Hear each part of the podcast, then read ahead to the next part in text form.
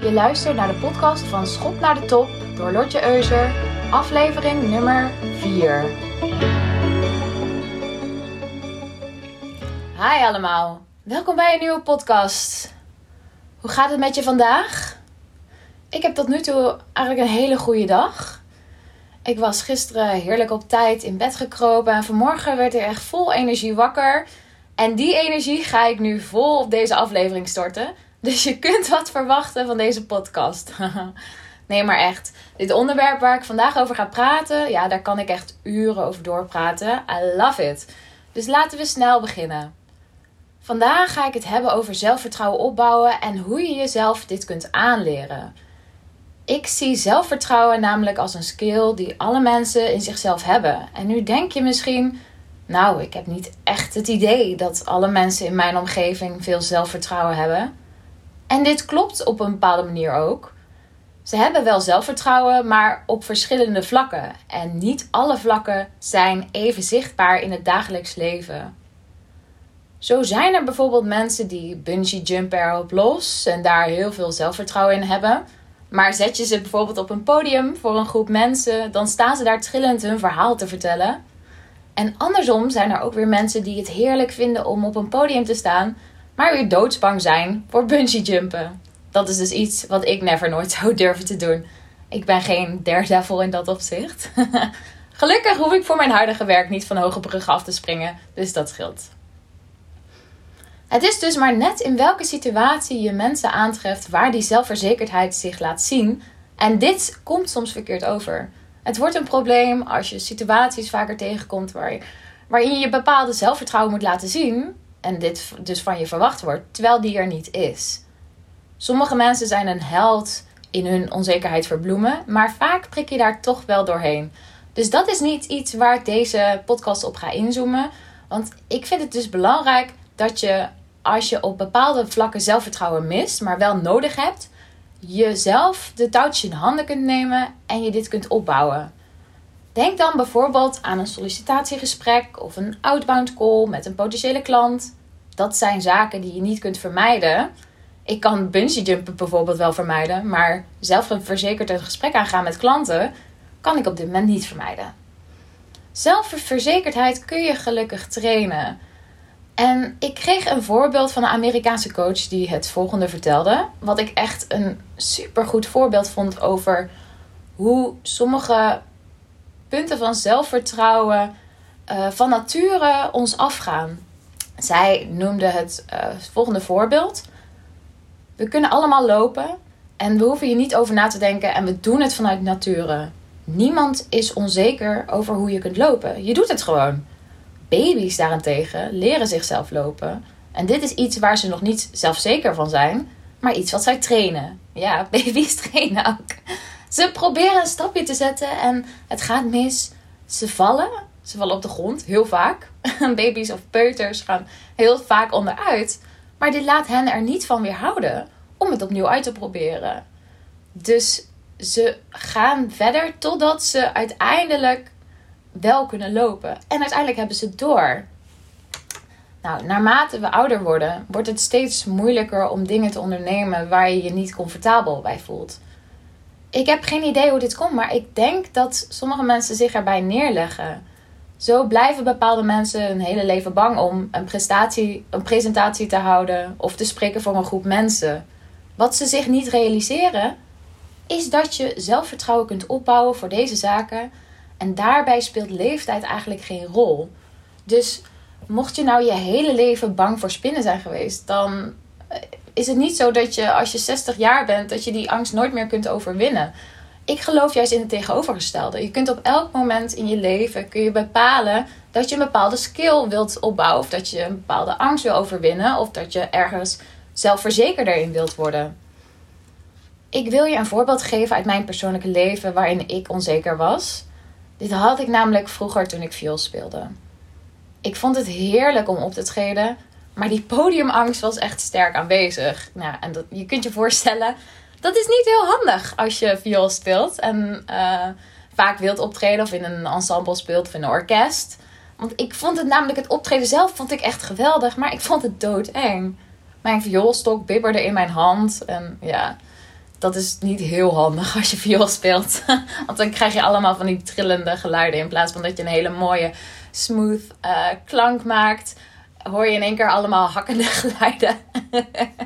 en er was een jongen op school, vier, die was vier jaar jonger. En die speelde accordeon. En hij speelde altijd voor zonder angst. Altijd als we op school dan een soort van uitvoeravond hadden, dan stond hij daar te spelen en te genieten. En ik keek echt vol bewondering naar zijn optreden. Dus ik vroeg aan zijn moeder, die altijd bij zijn optredens was, van ja, hoe kan hij zo comfortabel voorspelen? Zijn moeder vertelde dat zij hem had geleerd om met zelfvertrouwen op te treden door hem meerdere malen per week op te laten treden voor zijn familie, voor zijn buren, om het een soort van tweede natuur te maken. Ze heeft hem dus hiermee geholpen om zelfvertrouwen op te bouwen om zonder angst op te kunnen treden. Mega slim en die moeder had het echt heel goed door de eerste tien keer was het voor hem enorm eng en maakte hij fouten tijdens het voorspelen. Maar de volgende tien keer voelde het al veel comfortabeler en ging het steeds makkelijker. Maar om dit te bereiken moest hij dus eerst door die oncomfortabele fase heen. Ik heb uiteindelijk ook heel veel voorgespeeld en het werd steeds fijner en leuker voor me. En doordat de spanning zakte, omdat ik het vaker deed, kon ik er ook veel meer van genieten en ging ik echt veel meer muziek maken nou, en dat is eigenlijk ook mijn doel als ik mensen coach. Dat je veel meer gaat genieten van het werk wat je levert. En dat je ook echt ja, zelf meer muziek gaat maken. Het, wordt gewoon, het komt allemaal veel meer bij elkaar. Je bent niet meer bezig met je angst, je onzekerheid. Maar je gaat je bezighouden met datgene wat, waar het echt om draait. En dit is iets wat veel mensen niet aandurven. Ze blijven voor altijd bang en zijn niet bereid om zichzelf er hier doorheen te oefenen. Maar weet je wat het is? Voor iedereen moet het eens de eerste keer zijn geweest. Al die mensen die geweldige TED-talks geven, die stonden ook toen ze de eerste keer voor het publiek spraken niet zo zelfverzekerd hun verhaal te delen. Nog een geweldig voorbeeld trouwens. Ik heb een vriend en die was altijd een beetje op de achtergrond. En het was niet, hij was heel erg grappig, maar hij pakte nooit die voorgrond. Dus altijd in een uh, groep vrienden was hij eigenlijk super grappig, maar er werd nooit veel aandacht aan hem uh, gegeven, omdat hij nou, zich op de achtergrond hield. En hij heeft zich, nou ja, ik denk um, een jaar geleden aangesloten bij een improvisatie-comedy groep. En eerst vond hij het natuurlijk heel spannend om, te eh, om comedy te improviseren, maar hij wilde het zo graag. En nu, door het heel vaak te doen, oont hij gewoon dat podium wauw, het is echt zo'n enorme transformatie. En als ik hem zie, dan denk ik, wauw, wat heb jij toch enorme stappen gemaakt. En door het vaker te doen, is zijn eigenwaarde en zijn zelfgeloof zo enorm getraind en gegroeid. En dit is een heel goed voorbeeld van wat is mogelijk als je zelfvertrouwen hebt in het proces van oefenen, oefenen, oefenen en herhalen. De vraag is dus, als je zelfverzekerdheid wil opbouwen, ben je dan bereid om je oncomfortabel te voelen en fouten te maken? Want ja, die gaan gegarandeerd gemaakt worden. En hiervan te leren en weer verder te gaan. Dus als je het doodeng vindt om bijvoorbeeld na een tienjarige relatie weer op date te gaan, ben je dan bereid om dit te overwinnen door je eerst oncomfortabel te voelen als je op je eerste date gaat en misschien de tweede en de derde en de vierde? Ehm, maar het, dit zo vaak te herhalen dat je vervolgens niet meer doet. Dat het je gewoon niet meer deert. Het voelt gewoon in één keer comfortabel, want je hebt het al zo vaak gedaan. De weg naar succes wordt ook echt geplaveid door alle keren dat je faalde. En hierop bouw je eigenlijk voort. Hierop maak je die weg verder. We zijn geneigd te denken dat altijd alles first time right moet zijn. Maar zo werkt de realiteit helemaal niet. Zo werkt het leven gewoon niet. En doordat we verwachten van onszelf dat we het in één keer goed moeten doen, geven we meteen op wanneer we fouten maken. En daardoor groeien heel veel mensen niet door en ontwikkelen ze, ze geen zelfverzekerdheid. Ze geven veel te veel op nadat de eerste mislukte poging heeft plaatsgevonden. Terwijl dit mislukken eigenlijk heel mooi is. Want je weet nu wat niet werkt. Je gaat jezelf verder ontwikkelen. Je gaat nog meer fouten maken. En nog meer fouten, talloze keren. En hierdoor weet je uiteindelijk wat wel werkt en hoe je het wel moet doen. Dus des te vaker je dingen herhaalt, des te vaardiger je erin wordt en des te meer zelfvertrouwen je ermee kweekt. Ik heb ooit bij een bank gewerkt op het service center. En het was een van mijn baantjes toen ik net van school afkwam. En ik wist niet zo goed wat ik wilde gaan doen. Het was een hele lastige markt. En nou, waar is altijd werk? In de financiële sector. Dus uh, ik ging werken op het servicecenter. En ik weet nog dat ik de eerste telefoon moest opnemen. En je had dan destijds een buddy die je hielp met uh, aannemen. En ik keek naar mijn buddy. En ik dacht, oh god, ik kan dit niet. Maar ik deed het toch. En een maand later voelde ik me echt 100% zelfverzekerder. Uiteindelijk werd ik ook de best verkopende medewerker van onze afdeling. Het werd een soort sport voor me om mezelf continu te blijven verbeteren. Hetzelfde geldt dus in je persoonlijke, maar ook zakelijke leven. En helaas ervaren veel vrouwen onzekerheid in een opleiding of baan. Het wordt soms een soort default-modus waarvan we ons niet meer bewust zijn. En dit is heel, heel kwalijk, want voor veel functies heb je een bepaalde mate van zelfvertrouwen nodig. En als jij dus de top wil bereiken, als je wilt doorgroeien, moet je dat zelfvertrouwen ook laten zien. Nou, ik las het boek van de COO van Facebook, uh, Sheryl Sandberg. En zij vertelt daarin veel momenten waarin vrouwen zich onzeker maken en, of zijn. En ze noemde een situatie waarbij zij, een vriendin en haar broer hetzelfde examen moesten halen. Uh, toen ze op de universiteit studeerden. En na afloop maakte zij en haar vriendin zich zoveel zorgen over een heleboel kleine zaken. Of het ene antwoord nog wel uitgebreid genoeg was. En of ze nog iets anders waren vergeten te vertellen. En of ze überhaupt dat examen wel hadden gehaald. En haar broer zei: Ik krijg minstens een 9. Gewoon als in bam. ik heb dit gehaald. Dus die was al van nature meer zelfverzekerd dan zij beiden waren. Uiteindelijk haalden ze allemaal een 9. Maar het laat soms wel zien dat je onzeker bent zonder enig bewijs. Misschien ken je die mensen van vroeger ook wel. Altijd klagen dat ze een onvoldoende zouden halen voor een proefwerk. En dan uiteindelijk gewoon een 9,7 halen. Niet eens een 6, maar gewoon een 9,7. Oh, dat vond ik altijd zo frustrerend. Maar even terug naar die onzekerheid. Zonder bewijs. Want dit doen we vaak als een gewoonte. We, we, denken dit als een gewoonte. Je denkt als het ware: oké, kan ik iets vinden om die onzekerheid te bevestigen?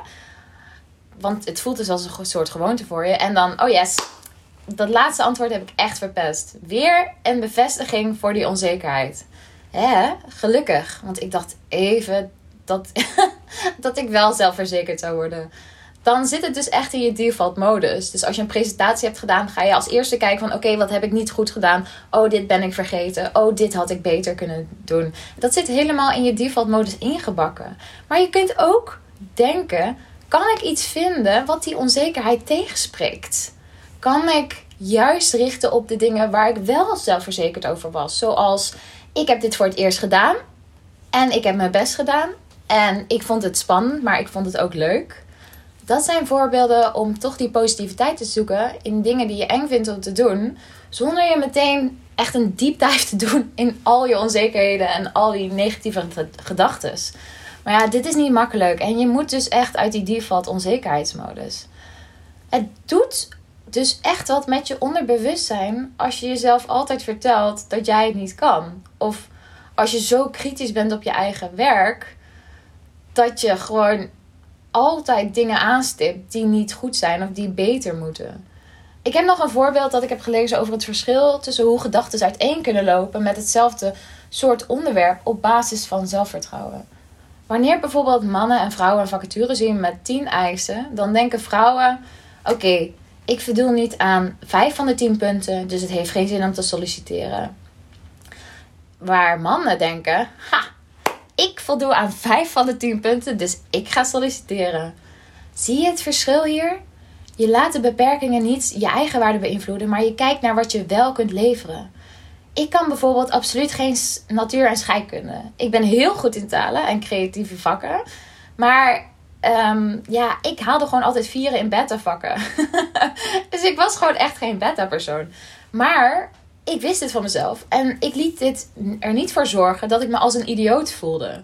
Ik dacht, het zal wel. Mijn kwaliteiten liggen op een ander vlak. Nou wilde ik ook geen arts worden, dus voor mij was het geen probleem. Maar mocht ik nou wel ambitie te hebben gehad om geneeskunde te studeren, dan had ik alsnog een sterke motivatie gehad. En dan had ik bijvoorbeeld bijlessen kunnen nemen om die vakken te herhalen. Dus dan ging ik juist focussen op de punten waar ik niet zo goed in was om die oprecht te verbeteren, om mijn doel te bereiken. Dus in plaats van dat je jezelf vertelt, ik kan het niet, kun je ook jezelf best vertellen. Ik ga alles doen dat nodig is om te zorgen dat ik het wel kan. Want er bestaan geen supermensen, hè? Iedereen is onderaan begonnen. En als je bijvoorbeeld al tien keer op date bent geweest en het werkt niet. Ik heb een hoop vriendinnen en vrienden die hier tegenaan lopen en bang zijn dat ze forever single blijven. Denk dan, oké, ik ga nog twintig keer op date en het maakt niet uit. Het bepaalt niet mijn eigen waarde of het wel of niet lukt. En uh, zo maak je jezelf en je eigen waarde onafhankelijk van de uitkomst. Dus nog een voorbeeld. Als je date niet komt opdagen, bijvoorbeeld. Sorry, ik gebruik even het dateleven. Omdat um, ja, veel mensen zich hierin onzeker voelen. En ik vind het ook bovengemiddeld plezierig om in een zakelijke podcast te praten over het dateleven. Omdat het eigenlijk niet tot het onderwerp hoort. Maar uh, dat je in plaats van dat je denkt van... hey, zie je wel, ik ben het niet waard. Uh, wanneer je date niet komt opdagen. Dat je denkt, ach, verlies voor hem of haar. Want nu zal diegene nooit weten hoe leuk ik ben. Dus probeer een alternatieve waarheid voor jouzelf te vinden... die jouw eigen waarde dient. En ongeacht het resultaat te denken, ik ben oké. En dat is zelfverzekerdheid. Je niet afhankelijk opstellen van de uitkomst. En wat die uitkomst ook is. Je kunt jezelf nu verstappen of struikelen terwijl je loopt over straat. Maar je denkt daarna niet, oh zie je wel, ik ben een mislukkeling en kan niet lopen. Nee, want je weet dat je het kunt. Die ene misstap bepaalt niet je eigen waarde. En ook al struikel je, je weet van jezelf dat je kunt lopen. En als je deze denkwaarde toepast op alles in je leven, dan ga je zo enorm groeien in zelfvertrouwen. Dus even terugkomend op het zakelijke aspect. Dit werkt ook zo met nieuwe dingen die je probeert. Evenementen die je bijvoorbeeld organiseert. Webinars die je voor het eerst gaat hosten. Noem maar op. Wat er dan ook gebeurt in jouw leven, wat voor jou nieuw is. En waar je misschien nog niet zo zelfverzekerd over voelt, omdat je het nog nooit hebt gedaan. Maar omdat je het nog nooit hebt gedaan, betekent niet dat je het nooit zal kunnen. En ook al ga je, faal je de eerste twee, drie, vier keer, betekent alsnog niet dat je het nooit zal kunnen. Het belang is dus om te bepalen of je ergens zekerder in wilt worden. En je absoluut niet af te vragen of het überhaupt wel mogelijk is. Dus ga vooral niet falen voordat je bent begonnen.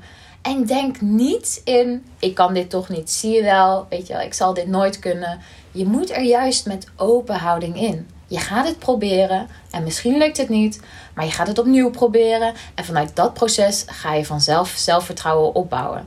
En het fijne is, je hoeft hier niets voor te doen. Je hoeft alleen maar door te gaan met opnieuw proberen.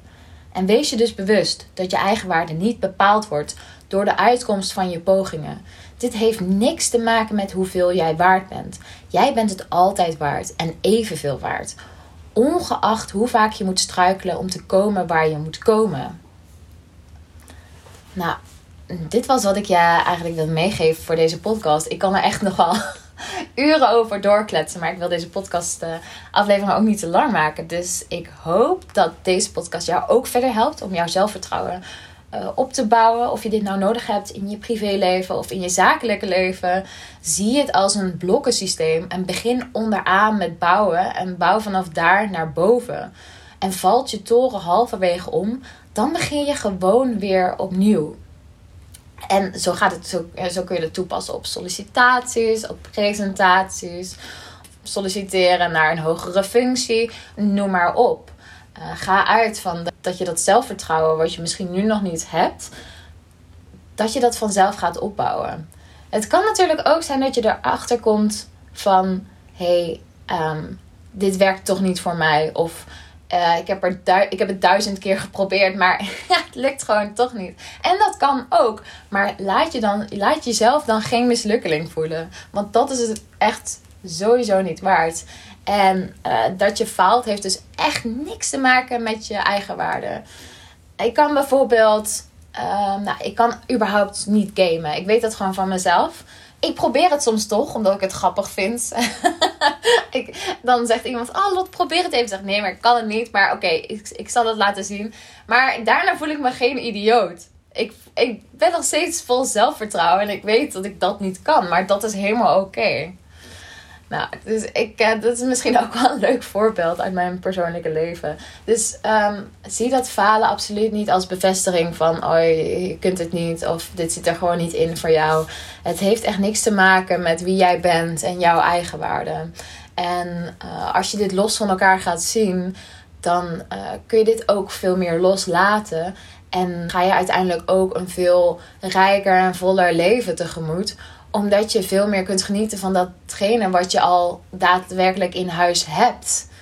En ik merk ook dat het heel erg motiverend voor mijzelf werkt als ik uh, ontdek dat ik ergens nog niet, nog niet goed genoeg in ben. En, maar dat ik juist tijd ga vrijmaken en met mezelf afspreek van oké, ik ga er nu alles aan doen om het wel te kunnen. En dat dat me ook zoveel energie geeft. En dat proces van leren en ontdekken en herhalen en het gewoon uit te proberen. Dat is eigenlijk ook al een heel mooi proces waar ik voor mijzelf heel veel motivatie uh, uithaal. En wat ook verder bouwt aan mijn zelfvertrouwen. Want of het nou lukt of mislukt, je hebt sowieso iets geleerd. En dat is heel waardevol.